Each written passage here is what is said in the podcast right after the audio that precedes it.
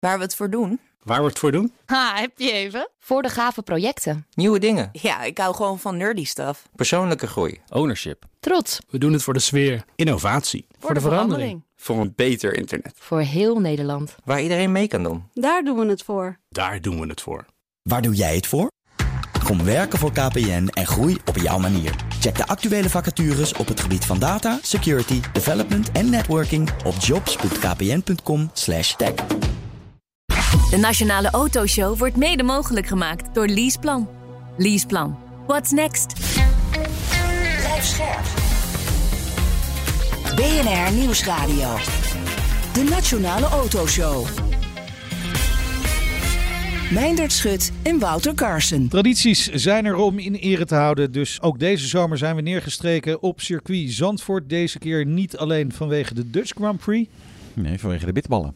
Ja, lekker Komen zijn die ze, nog? Nee, Ja. toch? Ja, nee, het, circuit bestaat ook precies 75 jaar. En daarom hoor je de komende week in deze zomerserie alles over ja, verleden, heden en de toekomst van de racebaan. Ja, het voelt wel vertrouwd. Hè Wouter, elke zomer Zijn we lekker in zijn we Zandvoort. lekker in Zandvoort.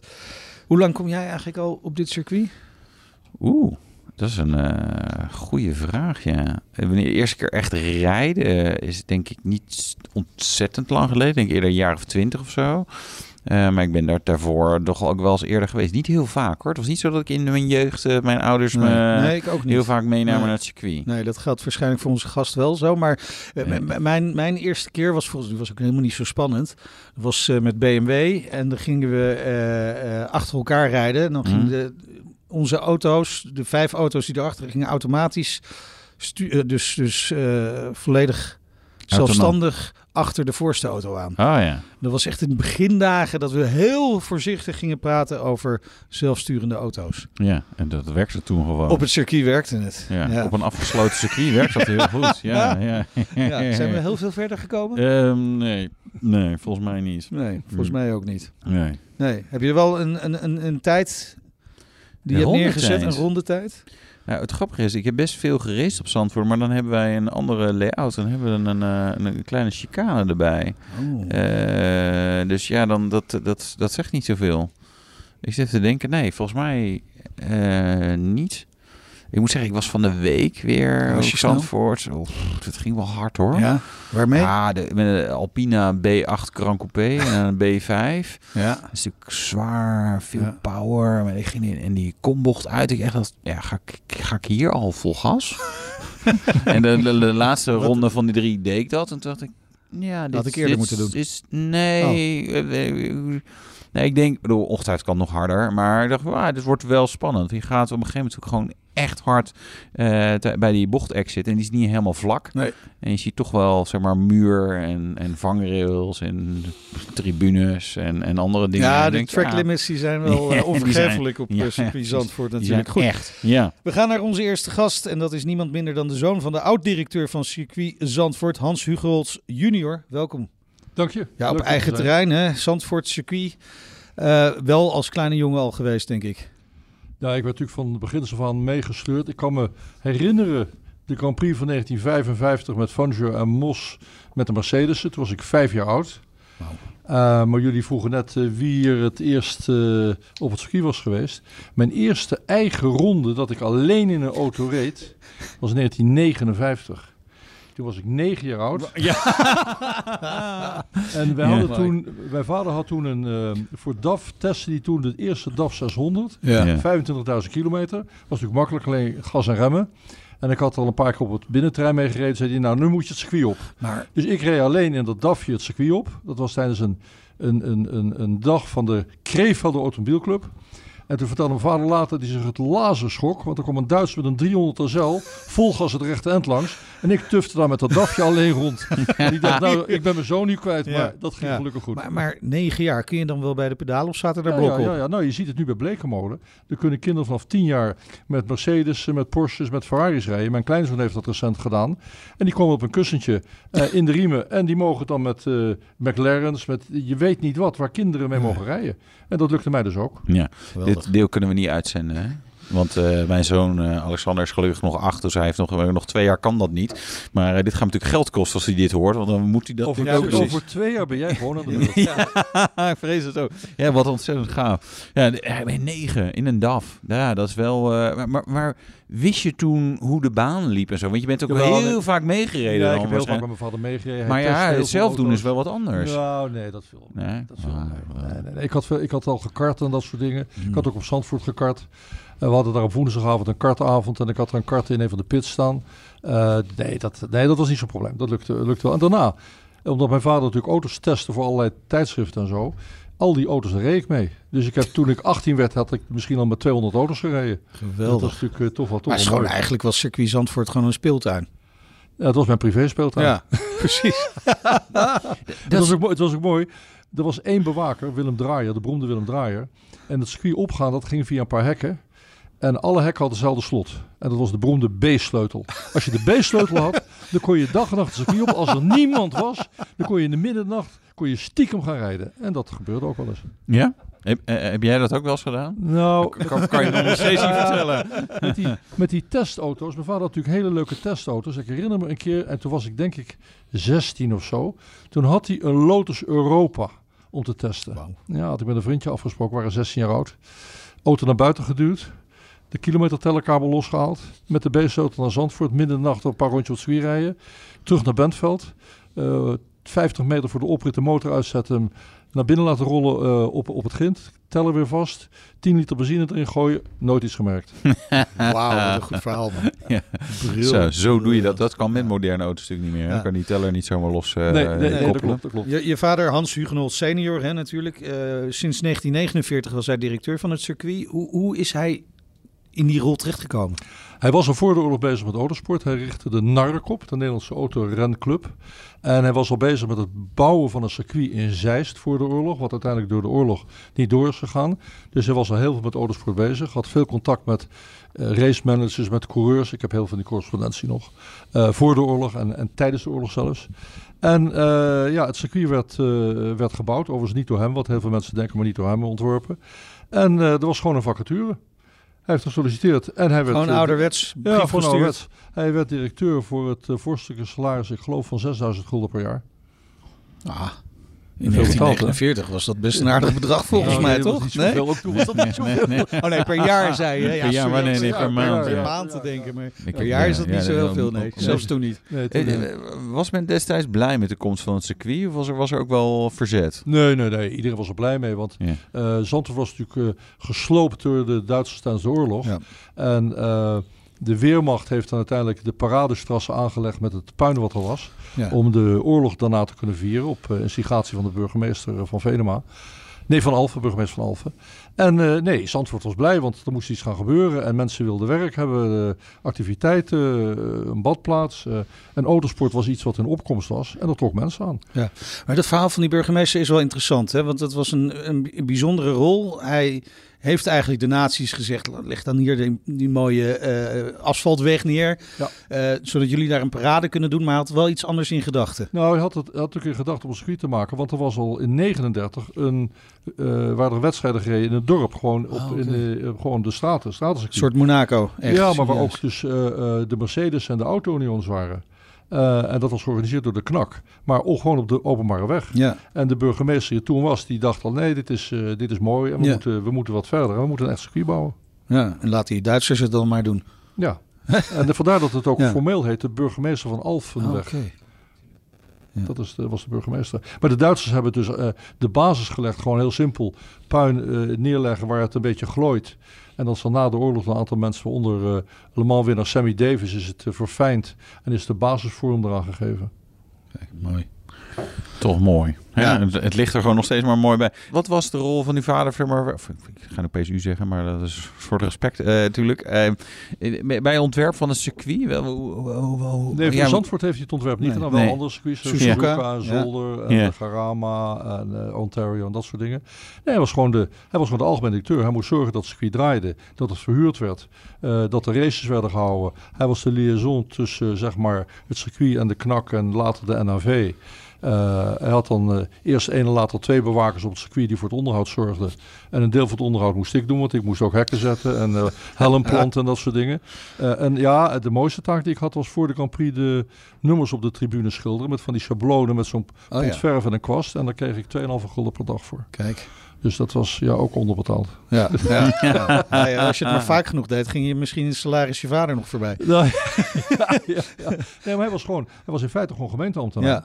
Want hij had een, een, een dubbel uh, uh, rol. Hij was directeur van de Stichting Touring Zandvoort. En Stichting Touring Zandvoort was de beheerder van het circuit en de beheerder van de VVV. Dus je zat op het Raadhuisplein in een houten kantoortje.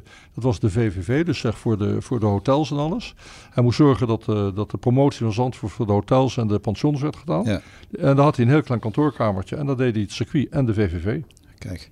En, en dat ontwerpen van die andere circuits, gebeurde dat uh, tegelijkertijd met, met die functie? Dus ja. Suzuka is ontworpen terwijl hij directeur van ja, circuit is ontworpen in 1960, 61.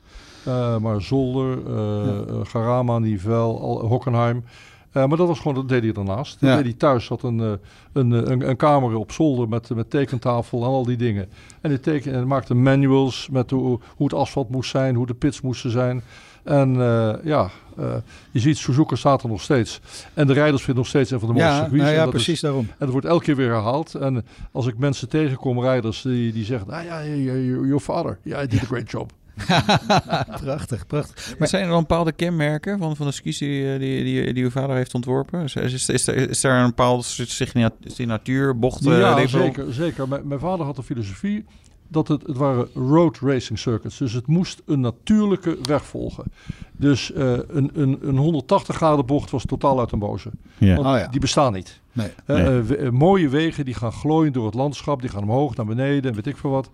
Maar het, het, moet niet een simpele haakse bocht zijn of iets dergelijks.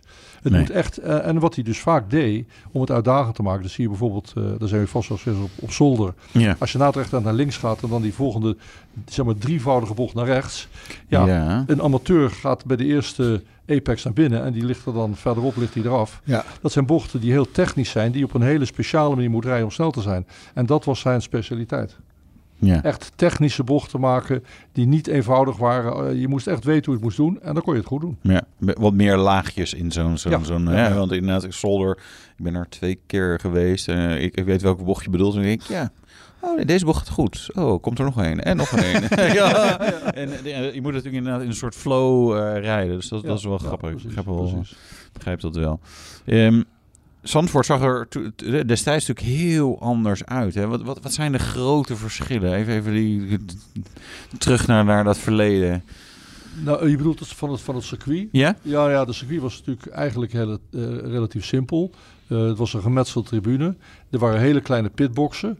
Um, daar kon je niet eens een auto in rijden. Er was een, een, een, houten deur aan de achterkant en een soort balietje aan de voorkant.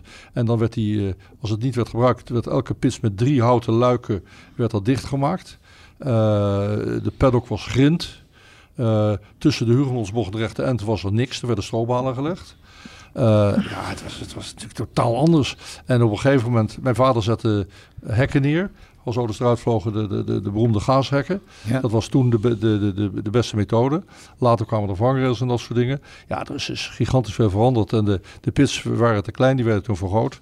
De laatste pits, uh, die heb ik gebouwd. Met, met alles wat erboven staat. Ja. Uh, niet de laatste uitbreiding aan de achterkant, dat heeft uh, Bernard gedaan. Ja. Maar het pitcomplex daarvoor heb ik helemaal gebouwd. Ja. Voor, voor Hans Ernst nog. er kwam toen een nieuwe tribune. Ja, er is natuurlijk gigantisch veel veranderd. Even los van de wijziging aan de baan zelf nu. Ja, ja maar de baan zelf is natuurlijk ook wel behoorlijk op de schop gegaan. Hè? Ja. Ja, Jarno Savelli, waar ik heel veel contact mee heb, uh, die, uh, daar, ja, tijdens het hele proces heb ik heel veel met hem gesproken en ben ik er vaak geweest. Uh, het grappige is, die kwam eigenlijk, volgens mij was een van de jongens van het circuit, die zei een banking zou we dat niet moeten doen. Um, toen bleek later, want ik heb allerlei designs van mijn vader, hij heeft een stuk of 25 circuits of 30 circuits getekend, maar er zijn er maar een stuk of acht of negen gebouwd. Ik kwam een ontwerp tegen van een uh, circuit in Ierland, waar die in het ontwerp ook een banking had zitten. Oh, kijk. Dus zeg maar wat nu de Hugenottsbocht is, had hij ooit al een keer in een ontwerp meegenomen Nooit uitgevoerd. Oké. Daar kwam ik pas later Ja. achter. Maar hij, hij draait zich dus niet om in zijn graf nu die, eh, het nieuwe circuit er ligt. Nee, nee, nee. zal, nou, het is, wel tevreden zijn ermee? nou, het is wel, het- dat denk ik wel, want hij was echt wel voor vernieuwing. Ehm, het is jammer dat het oude gedeelte van het circuit, zeg maar, richting eh, het bos, waar vroeger Ja. ooit het bos was. Ja. Daar heb ik zelf ook nog eh, eh, een aantal jaren eh gereisd. Ja, dat was fantastisch. Die hele flow door die duinen heen. Bos in, bos uit. Er zat een heel klein sprongetje in. Als je dan, dan kwam de auto een beetje los. Dan moest je echt precies goed doen, anders ging je eraf. Dat was natuurlijk nog mooier. Ja, Maar ja, eh, toen eh, eh, dat, dat, dat, dat eh, vakantiepark daar kwam en het, eh, Ja. het gemeentebestuur eh, zat, zat te rommelen. Toen heeft mijn moeder in de, eigenlijk mijn moeder in de gemeenteraad eh, het circuit kunnen redden. Dan zeggen ja, laten we dan zorgen Doordat, dat er dan eh, een stukje naar dat eh par, Van Dorado Park gaat en een rest blijft als circuit. Maar daardoor werd het circuit wel ingekort. ja, ja. En dat is nooit meer teruggekomen dus. Dat nee, maar ik moet zeggen, zoals het er nu, nu is, binnen de beperkingen die, er- die, er- die er waren, is het wel nog steeds weer een heel mooi circuit. Ja. Ja, wat, wat maakt het zo mooi? Eh, het is natuurlijk een deel historie, maar ja, dat is, Ja, dat nee, is voor... er voor, kijk, er zijn een aantal stukjes zijn gewoon gebleven. De Tarzan, de, de, de Hugenot Scherlag, eh, de, de Hunzerug, eh, Schijfvlak is gebleven. En dan krijg je de, de, de, de, de bankings die het echt extra interessant maken. Ja. Maar een bocht als Schijfvlak bijvoorbeeld is een prachtige bocht. ja. Dat is echt heel mooi. Ja. Dus, eh, Wat, maakt wat maakt die bocht zo mooi? Voor de leek? omdat, het, een- omdat het een bocht is die eh, veel harder kan rijden dan mensen denken. Oh, ja. En als je hem op de juiste manier aanstuurt, dan kan je daar echt, eh, echt winnen. En dat is natuurlijk altijd leuk op een circuit. Kijk, als een circuit alleen maar 90 graden bocht zijn, dan kan iedereen even hard rijden. Dat is niet zo moeilijk. Ja. Maar als, als bochten technisch worden, ja, dan, en, eh, of, of, of camber. Ik heb afgelopen weekend een paar races op Le Mans gereden. Er zit na de Porsche bocht er zit één bocht in of camber, dus die valt naar buiten af. Ja, die moet je op een hele speciale manier nemen. En Ja. dat, eh, ja, dat eh, it separates a man from the boys. en en de, de Hugo-Holsbocht heeft natuurlijk een eh, veel grotere banking nu gekregen. Blijf je boven of ga je rijden met beneden? Eh, dat hangt, het, het hangt van de auto af. Hangt Ja. vanaf of je veel vermogen hebt of niet. Ja. Ehm, eh, ik rij ehm, ietsje naar binnen en dan het, in het tweede gedeelte moet je bovenaan zitten en dan vol op het gas gaan. Dus je moet, hem ietsje, je moet iets onder de rand blijven. Ja. En dan eh, bij het tweede gedeelte moet je aan de rand of over de rand heen zitten en dan eh Oké. door de op. Maar nogmaals, het hangt van de auto af. Als je heel veel vermogen hebt, denk ik dat je zelfs gewoon hem onderin zou kunnen nemen. Dus dat je gewoon terug gaat naar de ouderwetse manier. Maar dan moet je echt heel veel vermogen hebben. We gaan het, eh, Maar praten we over 600, 800 pk. Ja, Ja, we gaan binnenkort nog eens proberen. Ja, er gaan gewoon nog steeds wel verschillende ideeën inderdaad ja. over. ja, maar dat maakt het ook wel leuk natuurlijk. Ja. Die Het is altijd interessant om te zien hoe in de verschillende klassen ze de, de, de, de, de bocht nemen. Ja. Dat is echt Ja. leuk. Dat is Ja. echt leuk. Ja, ja. Snap ik.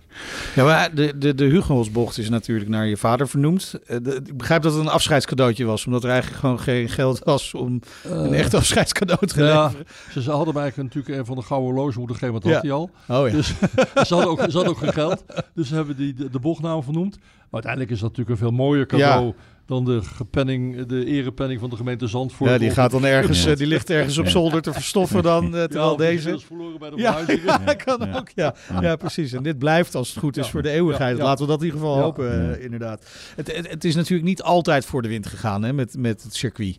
Ook niet in de tijd dat, dat je vader de directeur was. Nee, zeker niet. Want het was natuurlijk, nogmaals, het was een gemeentelijk object. En eh, het moest zichzelf bedruipen. Mijn vader had in, de, in die tijd 300 exploitatiedagen per jaar. Eh, Dat, beseffen mensen toch niet. Maar de industrie en allerlei dingen die er gebeurden. Maar hij kreeg eigenlijk uit de pot van de gemeente eigenlijk bijna geen geld. Bijna niks. Dus het was altijd struggelen en, en bietsen. Eh, op een gegeven moment moest er elektriciteit komen. Toen kreeg, er werd er een kabel geschonken door Dries van der Lof van de Twentse Kabelfabriek. Want die kabel vanaf de, de, de openbare weg naar, naar het circuit, die kostte toen iets van 20.000 gulden. Dat was er gewoon niet. Dus Nee. de kabel werd gegeven. En, dus mijn vader was wel druk bezig om te zorgen dat het op, eh, ja, op een slimme manier toch Ja. kon draaien. Maar echte luxe is het natuurlijk nooit geweest. Goh, klinkt net als BNR. Arm jong. Maar inmiddels is, is, is, lijkt het toch wel een stuk beter gaan met Ja, Formule het is 1 en... en ja, het is, eh, natuurlijk, het is natuurlijk heel anders nu, want nadat eh, Bernard met zijn eh, en Menno met, met mijn vrienden het circuit gekocht hebben. Ik heb overigens ook ooit meegeboden in, in, in, dat, in Oh, ja. dat proces. Ehm, ja, ze hebben, zijn natuurlijk, ze hebben enorme stappen gemaakt. ja. Niet alleen qua infrastructuur, de kwaliteit van het circuit. Maar ook door, simpel gezegd, de Formule 1 naar Nederland te halen. En dat hebben ze gewoon heel goed gedaan. Want wat je kan zeggen over Formule, Formule 1, het is natuurlijk toch de top van de Ja. autosport. Ja. En Zandvoort hoort in de Formule 1 te zitten. Zandvoort zit in de Formule 1 vanaf bijna het begin. Eh, nou, is er ook een tijd niet geweest. Dus, ja, hè, het zijn we- er- we- een paar jaar is het niet geweest. Nou, een Eh, in- paar. ook in de 50 jaar is, is het een paar jaar niet geweest. Natuurlijk, natuurlijk in de, later in de 80 jaar en zo, 90 Ja. jaar niet. Nou, Ja, we- we- al bijna- we- nee, tot, tot twee jaar geleden was er, was er geen Formule 1. Nee. Omdat het circuit eigenlijk ook niet, niet, niet meer voldeed. Nee. Nee. Qua, qua veiligheid en alles. Ehm, daar hebben ze veel in geïnvesteerd. Maar het is natuurlijk een, ze hebben een, echt een hele mooie lobby gevoerd om het, om het binnen te halen. Of ze er nou financieel uiteindelijk na al die ellende echt heel goed uitspringen. In de zin van dat ze er veel gaan verdienen. Daar twijfel ik aan, want het eerste jaar was natuurlijk toch eh, de schip van bijlaag. Ja, door corona. Ja, door corona. Eh, vorig jaar was het goed. Ik denk dat dit jaar wel, wel, wel een stuk beter wordt voor ze. Maar ze hebben hun nek uitgestoken. Ja. Eh, ten behoeve van de autosport. En dat is natuurlijk toch fantastisch dat ze dat gedaan hebben. Ja. Ja. Ja. stel je voor dat het eh, helemaal was geannexeerd door eh, het volgende bungalowpark. Dat was toch eh, jammer geweest. Ja. Ja, Was het- Peter, had dat Peter, kunnen Peter? Gillis zal het niet gekocht hebben.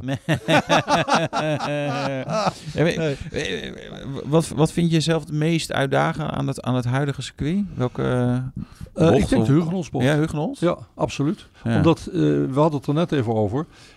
Het is nooit, je bent nooit helemaal zeker of je het goed doet daar. Nee.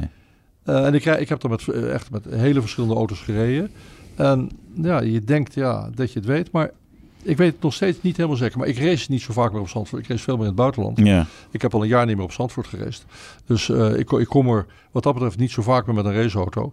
Eh, ik zou er vaker moeten rijden. Om het, maar ja, ik, ik, ik, ik, ik race op Goodwood en eh, Le Mans en ik race in Amerika en zo. Dus ik, ik ga er maar even door op andere circuits. Ook leuk, ook leuk. Ja. Is het eigenlijk echt een leuk circuit voor de Formule 1?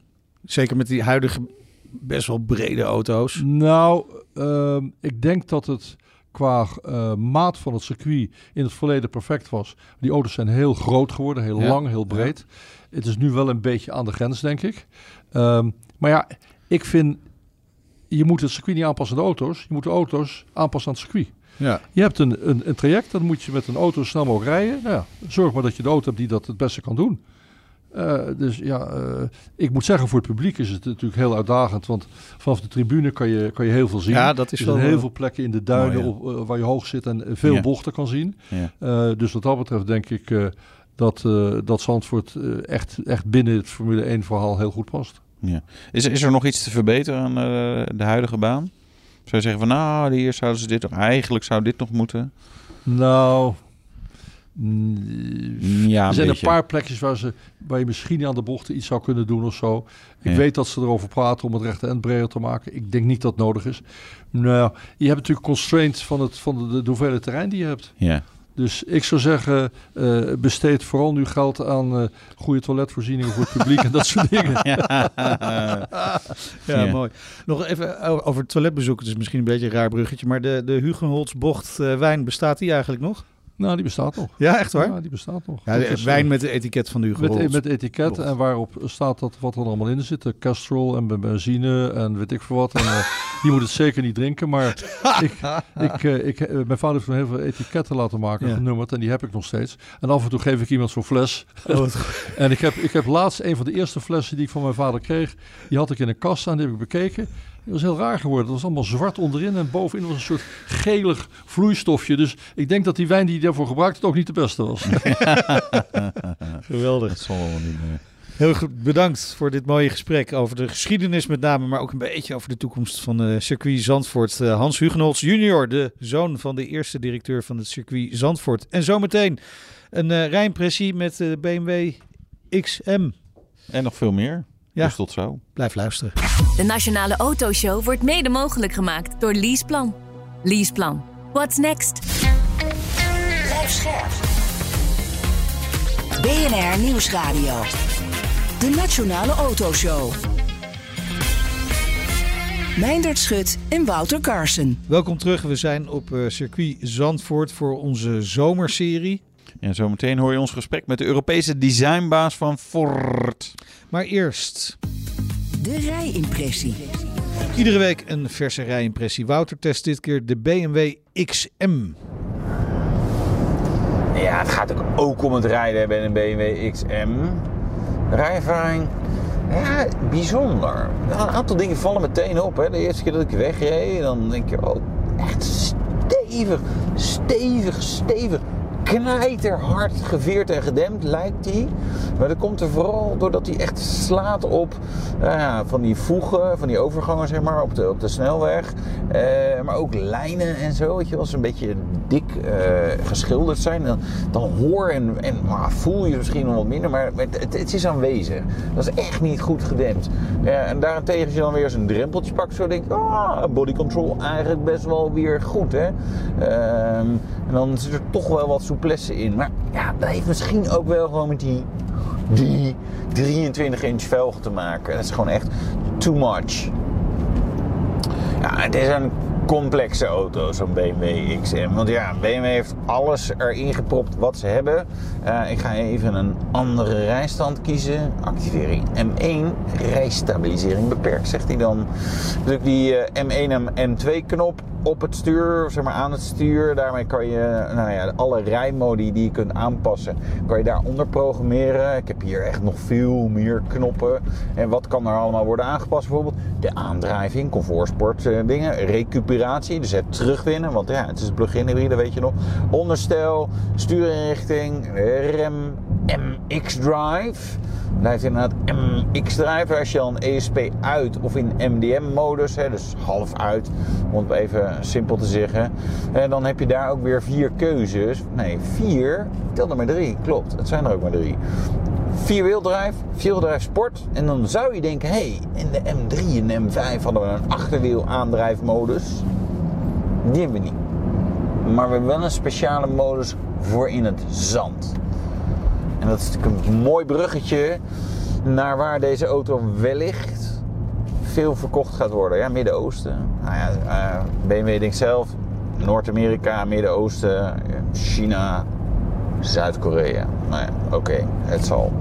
Daar houden ze wel van, ja, dit soort uitgesproken auto's en zo. Maar goed, daar komen we wel even op terug wat ik denk van de marktkansen in Nederland. Uh, we gaan eerst eens even lekker de techniek induiken. Er komen twee versies en nog een versie voor China die niet hierheen komt. Uh, maar het zijn allemaal plug-in hybrides.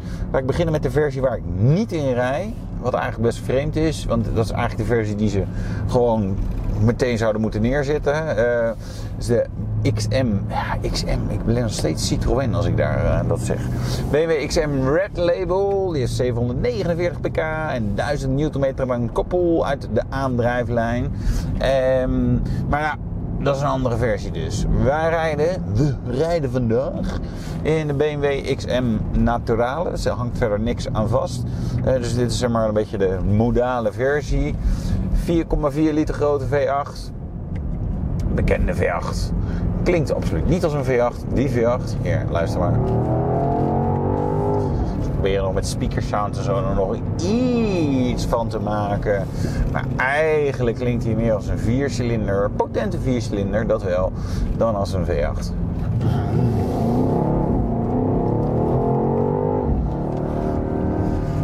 Dat is misschien ook de enige klacht over die V8 hoor. Hij, is, het is niet dat hameren zoals de AMG V8 en de Audi V8 dat daadwerkelijk hebben. En ook oh, de Amerikaanse V8 natuurlijk. Het is, nou ja, hij klinkt gewoon anders. Wel lekker wat vermogen in de gecombineerde aandrijflijn. De V8, twee turbo's natuurlijk. En hij heeft even spieken 489 pk, 650 Nm aan koppel. Maar plug-in hybride. Dus we krijgen nog wat gratis elektro-pk's erbij. En gratis, eigenlijk, eigenlijk krijg je geld toe als je elektro-pk's in Nederland kiest. Want nou ja, dan zit er minder belasting op. Daar gaan we het over hebben als we het over de prijs hebben.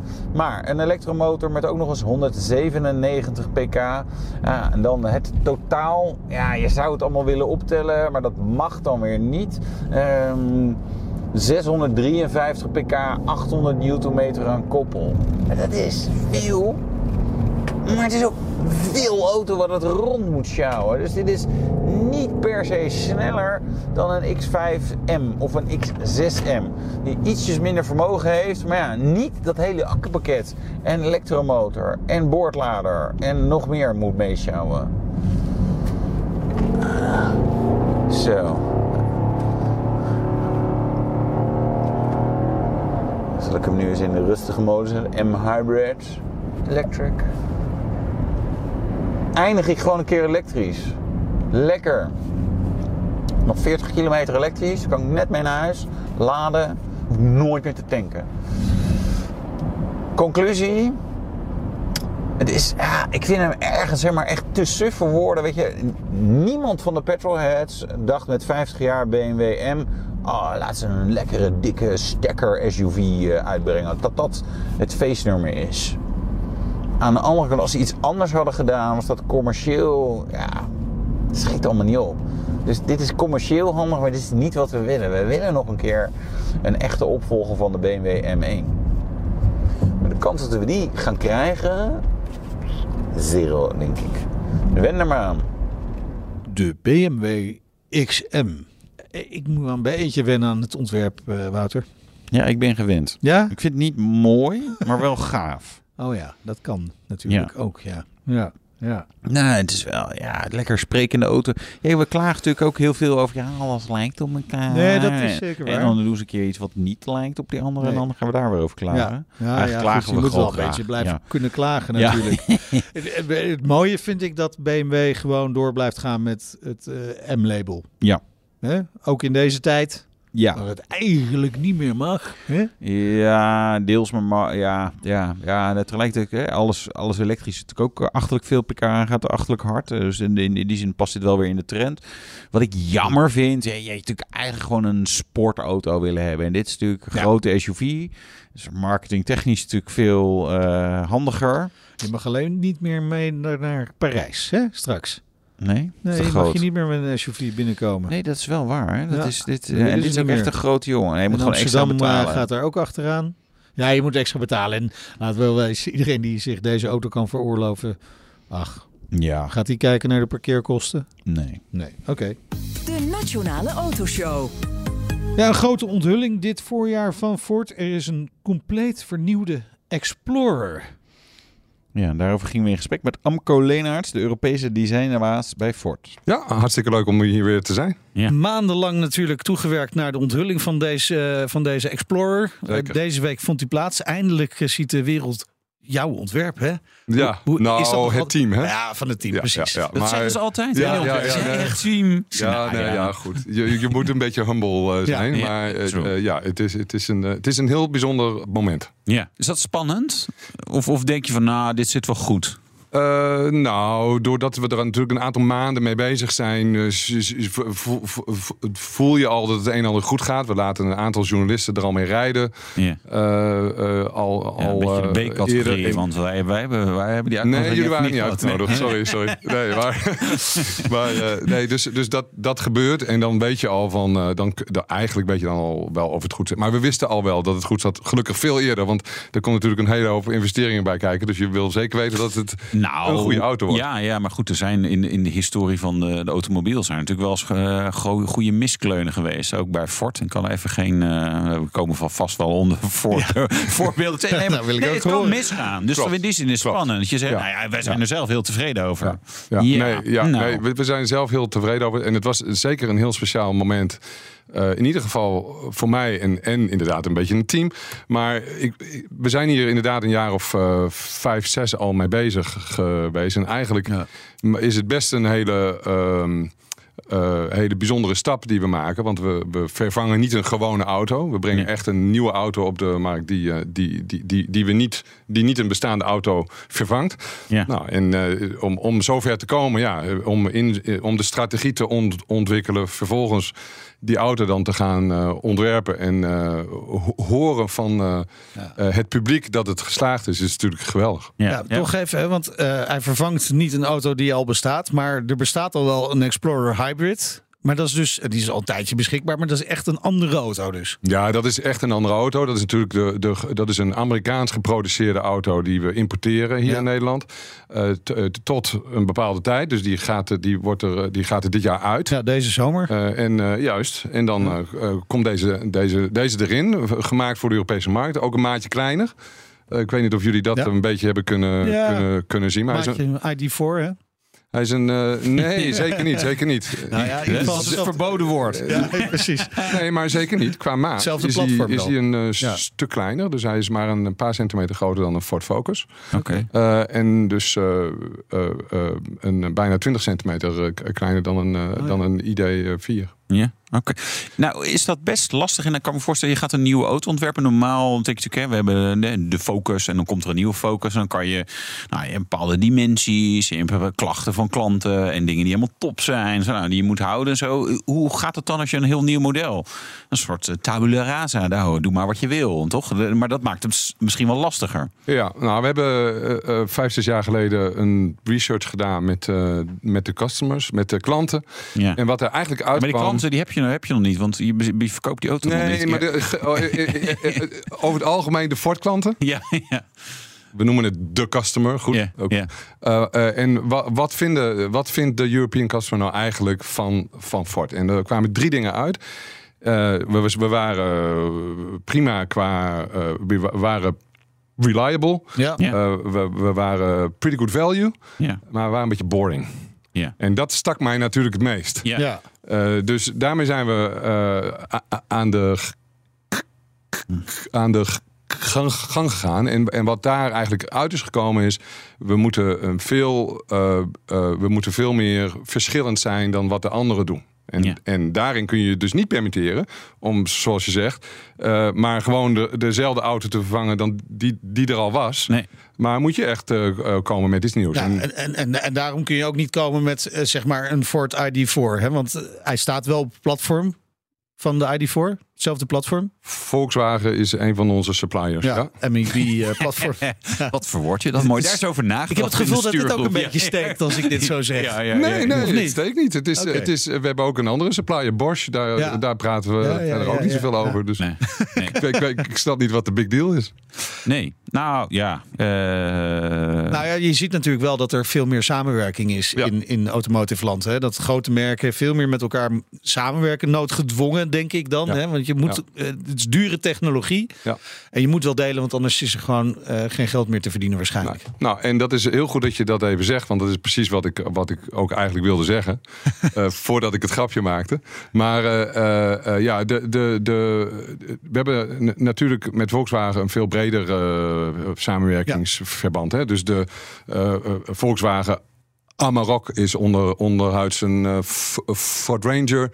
Ja. Uh, we hebben net de uh, Ford Custom uitgebracht. Nou, daar komt de Transporter ja. variant van. Nou, dat doen we op, op, op het commerciële vlak. Ja. En dan op de, voor de passagiersauto's ge, ge, gebruiken wij hun, um, hun platform. Ja. Goed, de, dat, het is natuurlijk een heel moeilijk woord eigenlijk. Hè? Wat is een platform ja. nou eigenlijk precies? Uh, wat hoort daarbij? Wat hoort daar niet, niet bij? Uh, en we zouden dit natuurlijk nooit doen als we het niet op een manier kunnen uh, aanpassen en kunnen tunen zodat het een fort is. Ja, wat, wat merk je er wel iets als designer? merk je er wel iets van dat je met een, een onderdeel moet werken dat van een andere partij komt? Nee, niet echt. Want uh, eigenlijk werken wij natuurlijk gewoon met zo verschrikkelijk, nogmaals, met zoveel ja, verschrikkelijk ja, ja, veel uh, uh, toeleveranciers en zoveel moeilijke uh, constraints, uh, restricties. Ja, uh, of het ja. nou ook verzekering qua, ook qua is of het is. ja, ja, juist. Dus er zijn zoveel dingen. Ja, Goh, is het nog wel leuk? Hou, hou, hou me daar niet mee bezig. nou, het is een hele mooie puzzel. Daarom vind ik het nou leuk. Het is een enorme puzzel. Ja. Wat, wat is het moeilijkste aan die puzzel? Wie kan iets heel moois tekenen? Ja, je kan iets heel moois tekenen, maar het is. Er zijn eigenlijk drie, drie dingen. Het is ofwel kunnen we het niet maken, ja. ofwel het is te duur.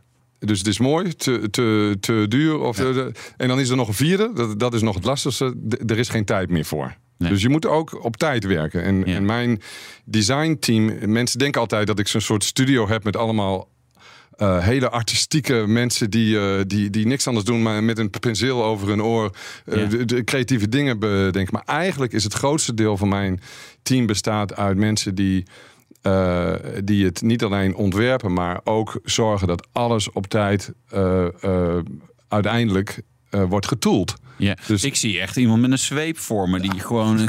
ja, die koplap is nog niet klaar. Tang! Wel een beetje, ja. Ja? Is Ja, dat zo? ja, ja, want het is het, het, het, het, één dag te laat eh, eh, is een miljoenenrekening. Dus, ja. dus ik, ik kan me niet permitteren om te laat eh, te leveren. En wij leveren echt de laatste, eh, hoe noem je dat? De surface, de, de, Ja. de, de, de, De vlakken, de, ja. De- hoe het eruit moet zijn. de vorm leveren we aan, de, aan degene die de tools maakt. Dus. En dat zijn natuurlijk multimillion eh, dure dingen. Die, die, en die moeten goed zijn. En die moeten op, op tijd zijn. Want die puzzel die moet Ja. samenkomen. Dus al, al, ieder onderdeeltje heeft zijn eigen tijdlijn.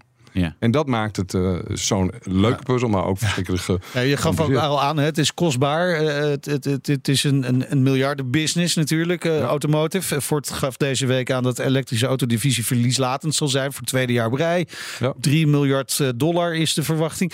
Wa- Wat geeft dat nou aan? Geeft dat nou aan dat die transitie naar batterij-elektrische voertuigen gewoon ontzettend ingewikkeld is voor de bestaande OEM's? Ja, dat is eh, ingewikkeld. We, en we hebben natuurlijk eh, allemaal een beetje hetzelfde probleem. We hebben een bepaalde hoeveelheid eh, fabrieken. We hebben een bepaalde hoeveelheid werknemers. We hebben een bepaalde hoeveelheid complexiteit. Nou ja, goed. om dat even van de een op de andere dag om te bouwen naar... oh, nou, nou kunnen we dat allemaal anders doen. Ja, Dat, dat, dat neemt een heleboel... dat zorgt voor een heleboel investeringen. En ja, goed, die moeten terug worden betaald. Die- Ja. Dat is, dat, het is een hele simpele rekensom. Ja, nou ja, belangstelling voor bijvoorbeeld de F-150 Lightning is natuurlijk geen gebrek. hè. 200.000 orders waren er al. eh, alleen ja, als je ze nog niet kunt leveren is het natuurlijk lastig. Maar Ja. daar komt wel dus verandering in. En Ja. die Explorer die... Eerste 24 uur 6000. Ja. Dus dat begint erop te lijken. Ja. Er is genoeg eh, interesse. Ja. ja, en nu nog eh, kunnen bouwen. Ja, Ook niet onbelangrijk. ja, ja, we hebben net eh, de eh, fabriek in eh, Niel helemaal omgebouwd. Van een Fiesta fabriek naar een eh, Explorer fa- fabriek. En die, eh, die, ja, die bezoek ik regelmatig. Ook dat hoort zelfs bij mijn baan als designer. Ja. om de, in de pilot plant te kijken hoe het, eh, hoe het gaat en of, er, eh, of alles wel gaat zoals het zou moeten gaan en het eindresultaat Ja. zo mooi wordt als dat we vinden dat het moet zijn. Ja. Ja, Ja. Ja, maar kom je dan nog wel eens iets tegen? Dat Ik zeg, oeh, Zeker. Ja? zeker. Ja. Ja, ja, ik kwam laatst. De hele, het zijn hele kleine dingen hoor, maar je komt. eh, ik kwam tegen dat, eh, de, dat het Ford-logootje op de sleutel was niet goed. Nou, Nee. goed dan, eh, moet, dan check ik dat en dan blijkt het inderdaad nog niet goed te zijn. En dan, oké, Ja. moet dat dus nog een keer. Ja, en dan is er ergens een leverancier die denkt, oh nee, ze hebben Ja. weer gekeken. Ja. dit weekend, Ja, even, nee, maar dit het is- even We dachten, we komen er wel mee weg. ja, ja, we komen er nee, dus niet mee weg. Daar kwam Nee. meneer Leenerts aan. Ja. Ja. klopt. Oh, je maakt wel vrienden inderdaad. Ja, nee, ik, dat, dat is inderdaad. eh, ik ben niet overal even, even welkom. Jawel hoor. Eh, Wanneer begint dat eh, designproces eh, voor jou? Wanneer begint dat project? Dat, dat is al Nou, heel lang geleden. Ja, en zoals ik al zei, eh, we, we zijn toen begonnen om echt onszelf een beetje opnieuw uit te vinden door te beginnen met die research die we, die we deden. Ehm, toen hebben we een strategie bedacht over hoe we onze portfolio willen eh, bedenken. Nou, en, en, en, en dat is, daar is uitgekomen dat we onze, wat we noemen hero nameplates, willen we verder uitbreiden. Dus dat hebben we gedaan met, eh, met de Mustang. Er is een Marquis, dat eh, hebben we gedaan met de Bronco. Er is een Bronco Sport. We hebben, nou goed, en zo, zo zijn we bezig om die, eigenlijk die hero nameplates, dus degene waar we echt ons het meest op focussen, eh, die, die, eh, die, die moeten een verhaal ver, vertellen. Nou goed, dus da, dat heeft al even wat tijd gekost om tot die, tot die conclu- conclusie te komen. Nou ja, en dan is het dat designproces. Ik zou zeggen, we zijn ergens in, in, in 19 eh, echt dat, de auto, eh, dat we de auto begonnen te, te kleien, zou ik maar kleien. zeggen. Oh ja, ja. Want klei is, is dan echt met, met, met letterlijk met klei. En, Klei bestaat nog. Ja, Ja. We hebben natuurlijk een heleboel goede eh, digitale tools. En we Ja. gebruiken natuurlijk eh, de digitale tools om die klei iedere dag of iedere, iedere twee dagen opnieuw uit te printen. eh, om de progressie te zien waar we zijn. Ja. Uh, maar de klei is er, zeker nog. En er zijn er echt nog mensen met zo'n scalpeltje bezig om ja. kleine stukjes ervan af te ja. schapen. Ja. En dan soms weer een stukje erop ja. te plakken. Ja, en, en, en, en, en soms zijn er ook momenten dat er bepaalde transities van vormen, dat die, dat, dat net niet lekker lukt uh, in de computer. En dan zie je het in het echt en dan kun je het veranderen zoals je het wil. En dan kun je het weer inscannen, gooi terug in de computer en dan is het opgelost. Dus je, het, het, wow. het, het werkt samen. Ja, maar het, het, voelt zo ouderwets klei. Waarom, waarom dan toch die klei? Omdat, je, omdat ja, het zichtbaar is. Ja, eigenlijk zou je kunnen zeggen dat je het ge geen klei meer moet noemen. Maar goed, het is natuurlijk wel bruin. Ja.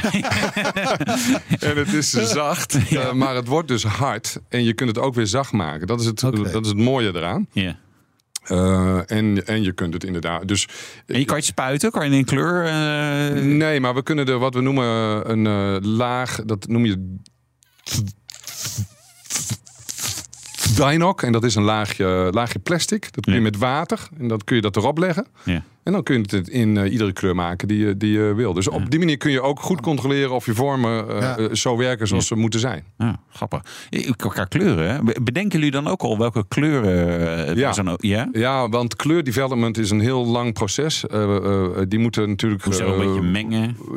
Ja, maar ze moeten worden getest tegen alle weersomstandigheden en dat soort dingen. Dus er zijn natuurlijk wel. we hebben natuurlijk een hele goede basis in, in, in de, in, in, qua chemische, chemische ja. basis. Maar je moet altijd kleuren testen op uh, lichtgevoeligheid. Uh, en, ja. en, en, en, ja, en, die moet je, en dus, dus moet je je kleuren moet je eigenlijk al anderhalf jaar eerder klaar hebben. Ja. Voor, voor, voor, de luisteraars die nog niet echt een beeld hebben van de nieuwe Explorer, zou je even hun mee kunnen nemen in jouw hoofd? Van wat is er gebeurd met die auto? Hoe ziet hij eruit? Wat is het geworden? Ja, nou de, de nieuwe Explorer EV is een, is een auto voor de Europese markt. Ja. Uh, een paar centimeter uh, klein, groter dan een Ford Focus. Dus lekker ja. makkelijk te, te, te parkeren. met een grote kofferbak. net iets groter dan een Ford Mondeo. Dus er zit gewoon een hele goede package in. Ja. Qua design zou ik zeggen, het is een design die is... Uh, heeft een bepaalde uh, simplicity, uh, maar is ook erg. Ja, sorry dat ik Engelse woorden gebruik, jongens, mag, maar dat, mag, ja. dit is, dat komt door, door mijn werktaal. Ja. maar in, tegelijkertijd heeft hij een hele mooie. hij, is, hij is aanwezig, maar het is wel een vriendelijke auto. Tegelijkertijd is hij ook lichtvoetig. Er zit veel ramen in. Ja. je kunt lekker, lekker om je heen kijken. Je zit net wat hoger. Uh, dus je kunt goed, uh, goed, goed het, het, verkeer overzien.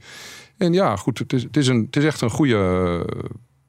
Nee, je zal niet van jezelf zeggen dat je iets slechts hebt afgeleverd. Nee, nee, nee maar het is mislukt. Maar dank, bedankt dat ik toch even erover mocht praten ja, met jullie. Nee, ja, goed. Het, het, het, maar het is wel een beetje zo, want het voelt wel. Het voelde al heel vroeg in het stadium dat het gewoon dat het, yeah. dat het ging werken. Amco Leenaerts, de Europese designbaas van Ford. Tot zover de Nationale Autoshow. Terugluisteren kan via onze website, via onze app of een podcastplatform naar keuze. Ja, en die is reuze. Ja, vergeet je niet te abonneren. En volg ons Twitter, Facebook, Instagram, LinkedIn. Ik ben Meijnerd Schut. En ik ben Wouter Karsen. Tot volgende week. En dan spreken we de directeur van Circuit Zandvoort. Spannend. De Nationale Autoshow wordt mede mogelijk gemaakt door Leaseplan. Leaseplan. What's next? Ook Harm Edens vind je in de BNR-app. Je kunt BNR Duurzaam niet alleen live luisteren in de app, maar ook terugluisteren als podcast, zoals al onze podcasts. En naast dat de BNR-app Breaking News meldt, houden we je ook op de hoogte van het laatste zakelijke nieuws. Download nu de gratis BNR-app en blijf scherp.